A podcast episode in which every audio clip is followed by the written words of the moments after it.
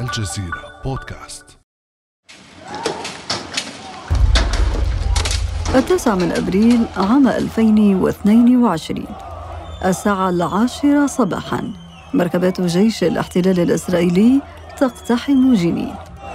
وبهذه الكلمات وصف المراسل العسكري الإسرائيلي أور هيلر المشهد. يقول هيلر كنت داخل إحدى مركبات الجيش التي دخلت جنين ولم أصدق أن أكثر من ألف شاب يلقون الحجارة والحارقات ويهتفون ضدنا وأن أحد الفتية ضرب باب الجيب العسكري وقال افتح افتح وبيده حجر غريب جدا هذا الجيل لا يخاف أبدا رغم إصابة سبعة منهم بالرصاص الحي وكثرة الجنود أكثر من خمسين دورية وجرافة دخلنا ولم نرعب هؤلاء. هكذا يرى الإسرائيليون الجيل الفلسطيني الجديد. لقد كانوا أطفالا في الانتفاضة الثانية عام 2000 وأصبحوا اليوم مقاومين. طفل يضرب الجنود بالحجارة وجها لوجه وشاب يصرخ في وجه الجنود في الوقت الذي لم تستطع بنادق الاحتلال إيقاف هتافات الفلسطينيين في أزقة القدس وباحات المسجد الأقصى كيف أصبح الجيل الفلسطيني الجديد يشكل الخطر الأكبر على إسرائيل؟ وما هي مخططات الاحتلال للقضاء على حيويته الثورية؟ وما الذي يميز هذا الجيل عن أجيال المقاومة السابقة؟ وما مستقبل المواجهة القادمة مع جيل ما بعد أوسلو؟ بعد أمس من الجزيرة بودكاست أنا أمال العريسي.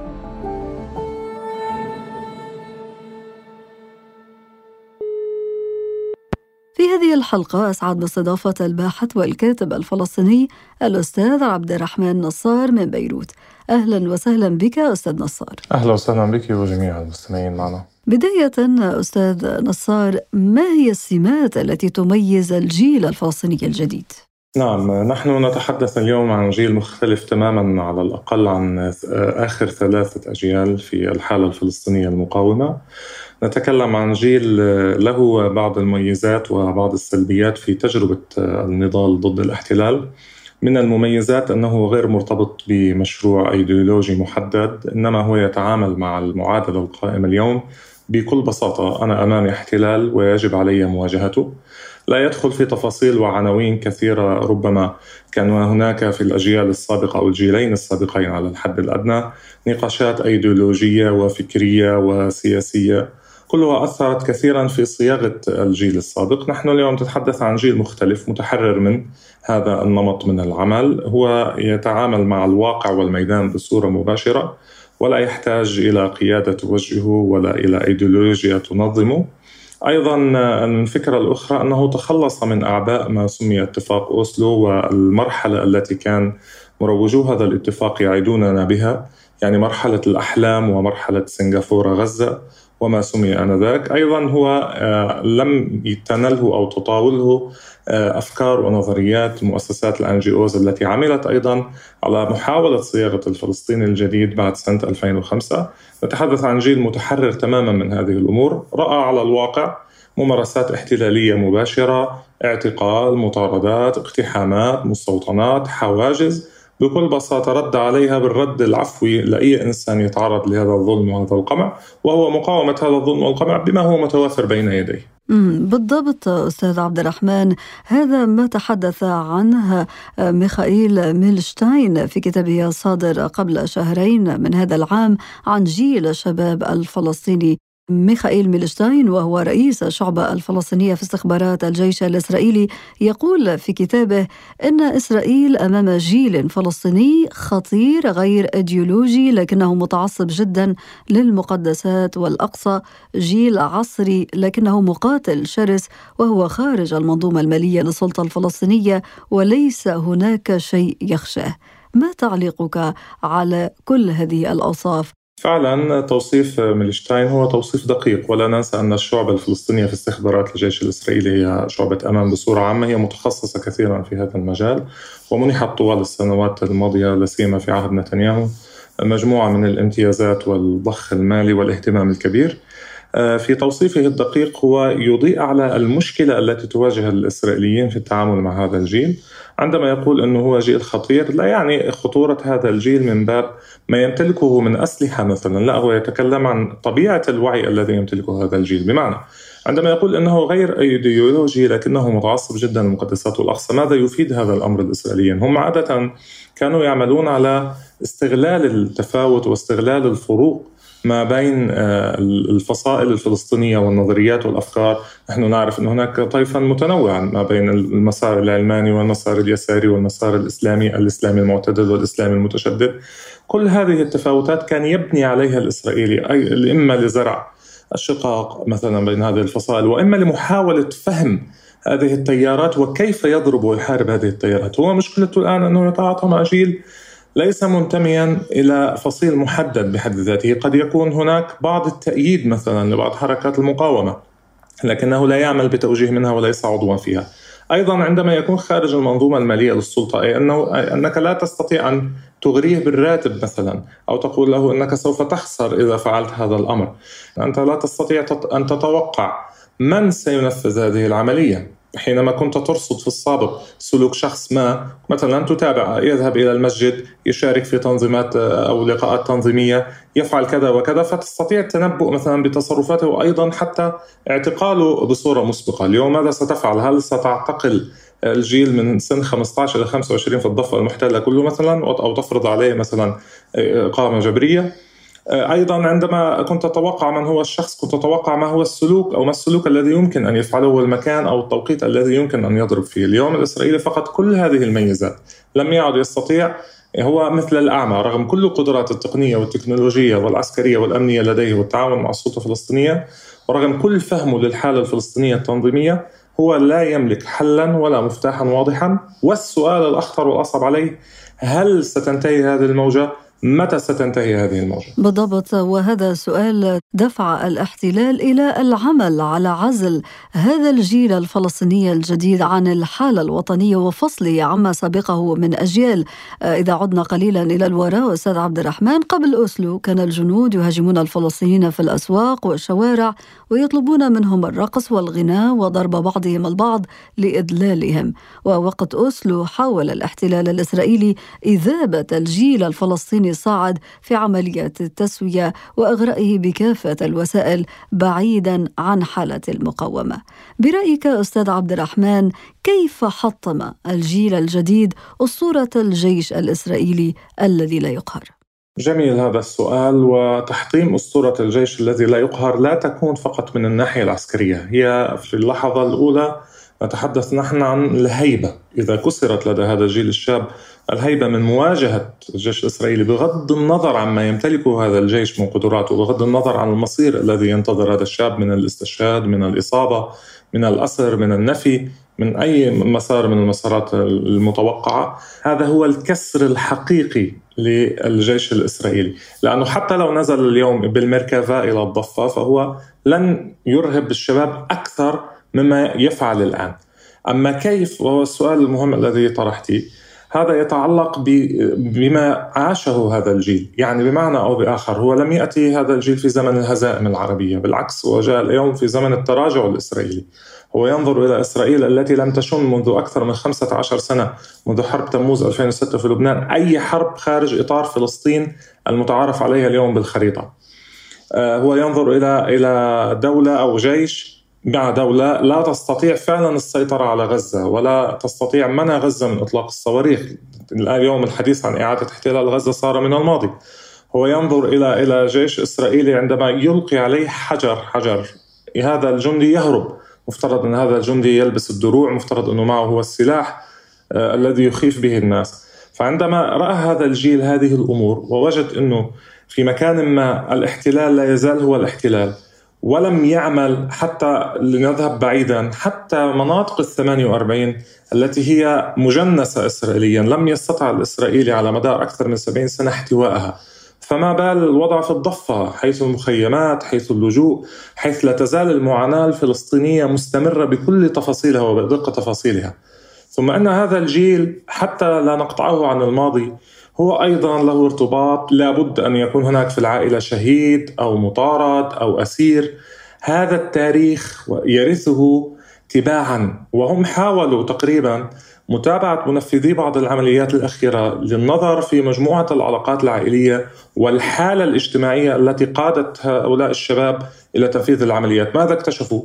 اكتشفوا أن هناك فعلا بعض الروابط لكن إذا جاءوا لتطبيق عملي لحل هذه المشكلة سيجدوا أن كل الشعب الفلسطيني خاض تجربة الأسر وهناك لا توجد عائلة قد سلمت من الاحتلال بطريقة أو بأخرى. معناها أن كل الشباب الفلسطينيين اليوم الموجودين في الموجودون في الضفة أو في غزة أيضا حكما والقدس وال 48 هم مؤهلون في أي لحظة لينفذوا عمليات. إذا أنت وضعت نفسك في مواجهة مختلفة عن السنوات الماضية. ليست ليست أمام مقاتلين منظمين متوقع منهم أن يفعلوا شيء وآخرون يعيشون حياتهم بصورة طبيعية. لا نحن نتحدث عن ناس لا تعيش حياتها بصورة طبيعية وفي أي لحظة يمكن أن يقرر شخص حتى لو كان عرسه غدا أن ينفذ عملية مباشرة. ورغم كل ذلك أستاذ عبد الرحمن فشلت إسرائيل في احتواء هذا الجيل وتغييره. حدثنا عن المخططات التي تعاملت بها إسرائيل مع الجيل الجديد. ما تتحدثين عنه لم يكن مشروعا اسرائيليا فقط، كان مشروعا اسرائيليا وامريكيا وأيضا ساهمت فيه دول في الإقليم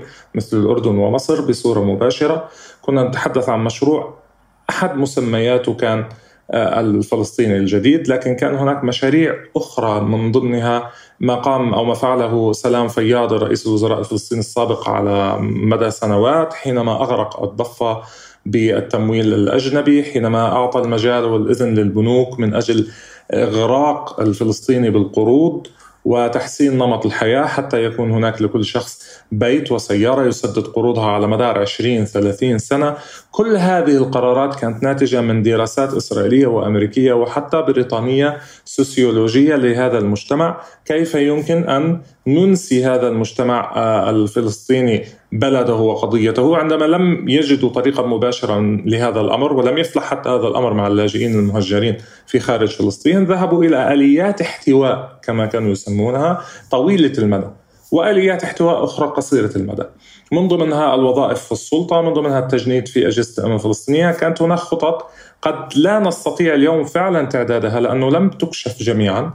لكن نحن نتعامل مع عقل استعماري آه، خطير حتى إلى أغراق الأسواق الفلسطينية بالبضاعة الخارجية ووسع أطر الاستيراد. فعل امورا قد لا يخطر في بالنا بصورة مباشرة أنها تريد احتواء هذا الجيل.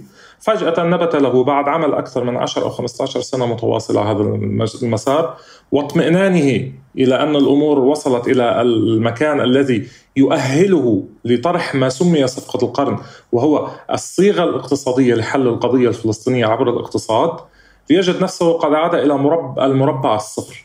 وهذا هو ما يطرح السؤال التالي الآن ماذا بقي لدى إسرائيل؟ يعني بعدما استعملت الاحتلال المباشر بعدما استعملت المجازر بعدما استعملت القوة العسكرية ثم استعملت القوة الناعمة والنظريات الاجتماعية التي اخترعتها خصيصا للمجتمع الفلسطيني اليوم تجد نفسها أمام خيار وحيد هو اعتمدته منذ البداية أنه ما لم ينجح بالقوة سينجح بالمزيد من القوة، لكنها تكتشف أن حتى هذا الخيار لم يكن ينفع في حالات سابقة وقد لا ينفع مع هذا الجيل بالعكس هذا يزيد عدد المهتمين أكثر بمقاومة الاحتلال بصورة مباشرة في الضفة.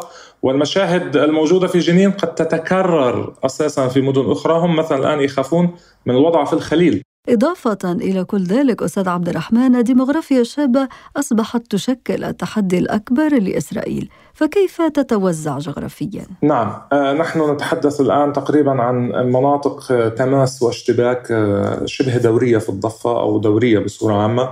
تقريبا هناك إحصاء ل 20 منطقة اشتباك واشتعال تتركز غالبيتها في المناطق الشمالية في الضفة وطبعا هذا له أسبابه. أن هناك توسع وما يسميه الإسرائيليون حالة عدوى بين مزدوجين يعني هم أحيانا يستعملوا مصطلحات يجب أن ننتبه منها مثل الذئاب المنفردة ومثل حالة العدوى. يتعاملون مع الأمر كأنه مرض وليس كأنه واقع اجتماعي طبيعي جدا في نتاج للاحتلال كأنه هناك من يستغرب أنه أنا أحتل شعب ولماذا هذا الشعب يريد أن يقاوم ويستعيد أرضه وهويته وربما هذا أيضا أستاذ عبد الرحمن هو أسلوب من أساليب الحرب النفسية للتقليل من أهمية الفعل المقاوم لهذا الجيل الشاب. تماما تماما هذه المصطلحات وحتى طريقة تغطية الإعلام، إذا رجعنا إلى بداية العمليات نلاحظ أن الإسرائيلي في سنة 2015 عندما سميت هبة القدس وأعتقد أنها هي فعلا لا تزال مستمرة حتى اليوم. كان يتعمد نشر الفيديوهات التي تظهر الشباب بعد تنفيذ العمليات وهم يعدمون بدم بارد. كان الرهان في هذا الموضوع على أن النتيجة سيكون ارتداع خوف حتى أن يبادر الأهالي في الضفة إلى منع أبنائهم من التوجه بصورة مباشرة لتنفيذ هذه العمليات. أتت الأمر أو أتى الأمر بصورة عكسية وبنتائج عكسية. بالعكس الشباب رأوا في ذلك نماذج بطولة. حتى في انتفاضة ما سمي انتفاضة التيك توك عندما كانت هذه المقاطع تلهم الشباب كانت توضع عليها آه، اناشيد أحيانا أغاني راب يعني نتحدث نحن عن جيل مختلف قليلا عن سلوك الجيل السابق. حفز نفسه بطريقة مختلفة بالعكس صار هذا النموذج هو نموذج بطولي على عكس ما كان يريده الإسرائيلي. لذلك أصبح الآن تصوير العمليات وبثها آه، نقطة ضعف عند الإسرائيلي وليست نقطة قوة. يكفي المشاهد التي ظهرت في العمليات الأخيرة ولا سيما في بني براك وديزنغوف. كم ممكن أن تلهم هذه المشاهد التي لا يستطيع الآن الرقابة العسكرية الإسرائيلية لا تستطيع السيطرة عليها ومنعها. تلهم هؤلاء الشباب نحو عمليات أخرى وبالعكس الملاحظ أكثر أنها تعلمهم بعض التكتيكات والأخطاء وردود الفعل. أنا نتحدث الآن عن الخبرة العسكرية المفقودة عمليا بسبب الحرب الشرسة التي قادها أريال شارون عام 2002 في عملية السور الواقي في الضفة المحتلة وصولا إلى سنة 2005 وعمل الجنرال الأمريكي كيس دايتون مع السلطة على خلينا نقول ما يسموه مصطلح تطهير الجيوب. وترك المخيمات الكبيرة لتتراكم فيها المشكلة. حتى هذه المقاطع صارت وسيلة لتحسين الأداء والسلوك في العمليات المقبلة. أن هناك توسع متوقع في نقاط الاشتباك. هناك ديموغرافية عالية جدا. مثال على مدينة الخليل التي لا تزال تعاني قليلا مع أنه الغريب أنه هبة القدس انطلقت منها. يعني الشابان اللذان بدأا هذا العمل كانا من الخليل. لكن نتحدث عن تكتل من 700 إلى 800 ألف فلسطيني أعلى كثافة سكانية في محافظة الخليل. لا تزال خارج الاشتباك بالمعنى العملي والمباشر وهو ما كان يسميه أو يوصفه الرئيس الراحل ياسر عرفات بأنها الأسد النائم بمعنى أنه إذا استيقظت الخليل سوف يتغير وجه العمل في الضفة. ولذلك من ضمن أساليب الاحتواء التي يعمل عليها الإسرائيلي اليوم هو محاولة التنسيق مع وجهاء وعشائر وتجار الخليل من أجل منع أو كبح أي مظاهر للمقاومة من وسائل الاحتواء الأخرى تعزيز النعرات والإشكالات العائلية في الخليل المنطقة المليئة بالسلاح حتى تكون القضايا الاشتباك العائلي أولوية على الاشتباك مع الاحتلال. كل هذه الأمور صارت مكشوفة تقريبا يعني. هل يؤثر فقدان الحاضنة التنظيمية على أداء هذا الجيل الفلسطيني الجديد في العمل المقاوم؟ ربما يكون لي رأي مختلف كثيرا عن بعض المحللين والكتاب في هذا المجال. وهو أنه لا هذا الجيل من الأفضل ألا تكون له حاضنة مباشرة سواء من من طرف التنظيمات أو من طرف آه، السلطة. ما هو مطلوب أكثر لهؤلاء هو الدعم خلينا نقول المعنوي والمادي لعائلاتهم بصورة أساسية مجرد إشعارهم. وهذا أمر قد يكون بخطوات مجتمعية لأنه حتى لو جرت ممارسته عبر آه، التنظيمات قد يتعرض الأهالي لعقوبات وأشكالات. لكن مجرد شعور هذا الجيل أن هناك من سوف يعتني بأهله آه، عند استشهاده أو عند أسره يجعله يندفع أكثر. هذا هي هذه هي تقريبا العلامة الفارقة وهو ما عمل الإسرائيلي طوال السنوات الماضية على منعه بمعنى أنه إذا هدم بيتك أو بيت عائلتك لن يكون هناك من يستطيع تعويض هذه العائلة. لا السلطة والآن تمارس حرب شرسة على السلطة في هذا الموضوع فيما يتعلق أو ما يسمى رواتب آه، الأسرى والشهداء والجرحى وعائلاتهم. نحن لا نريد تكرار أي نموذج بهذا المعنى ولا نريد القيود التنظيمية لأنه بالنهاية التنظيمات لها عناصرها وتعمل. لماذا لا نستفيد من الحالة الشعبية المقاومة وتدخل هي في ساحة اشتباك وتكون هي من تقود؟ برأيك إلى أين سيتجه صراع الجيل الجديد مع الاحتلال الإسرائيلي؟ أنت ما تزرعه سوف تحصده. وهذا ما يفعله الإسرائيلي. ماذا زرع الإسرائيلي في الضفة طوال السنوات العشر الماضية؟ وماذا يزرع اليوم؟ هل يزرع نوع من الاحتواء؟ بالعكس أنا إذا أنظر إلى ما يفعله اليوم الإسرائيليون هم من أغبى الاحتلالات التي مرت على تاريخ البشرية. ولذلك هناك مقولة شهيرة تقول أن إسرائيل دولة إذا لم تتمدد إلى الخارج سوف تنفجر من الداخل. وهذا الأمر هو ما يؤكد لنا بالحد الأدنى أن هذا الصراع موجود. لكن هل ستخف أو ستنخفض وتيرة هذه العمليات في مكان ما وتزداد في مكان آخر، هل ستنخفض في هذا الوقت وتزداد في وقت آخر؟ هذا هو السؤال الذي يؤرق الاحتلال والسؤال والإجابة تطمئننا أنه نعم آه، قد يكون الضغط الإسرائيلي الآن قاسيا جدا يعني نسبة الاعتقالات وكميتها كبيرة جدا. لكن من ناحية إيجابية أنت عندما تعتقل كل هذا الكم من الشباب اذا أنت تنشئ لديهم تجربة نضالية جديدة. اذا هم أصبحوا حكما بصفتهم أسرى سابقين أو أسرى محررين ضمن هذا الإطار الذي أنت فتحته في المواجهة معهم. لم يختلف شيء أستاذ عبد الرحمن.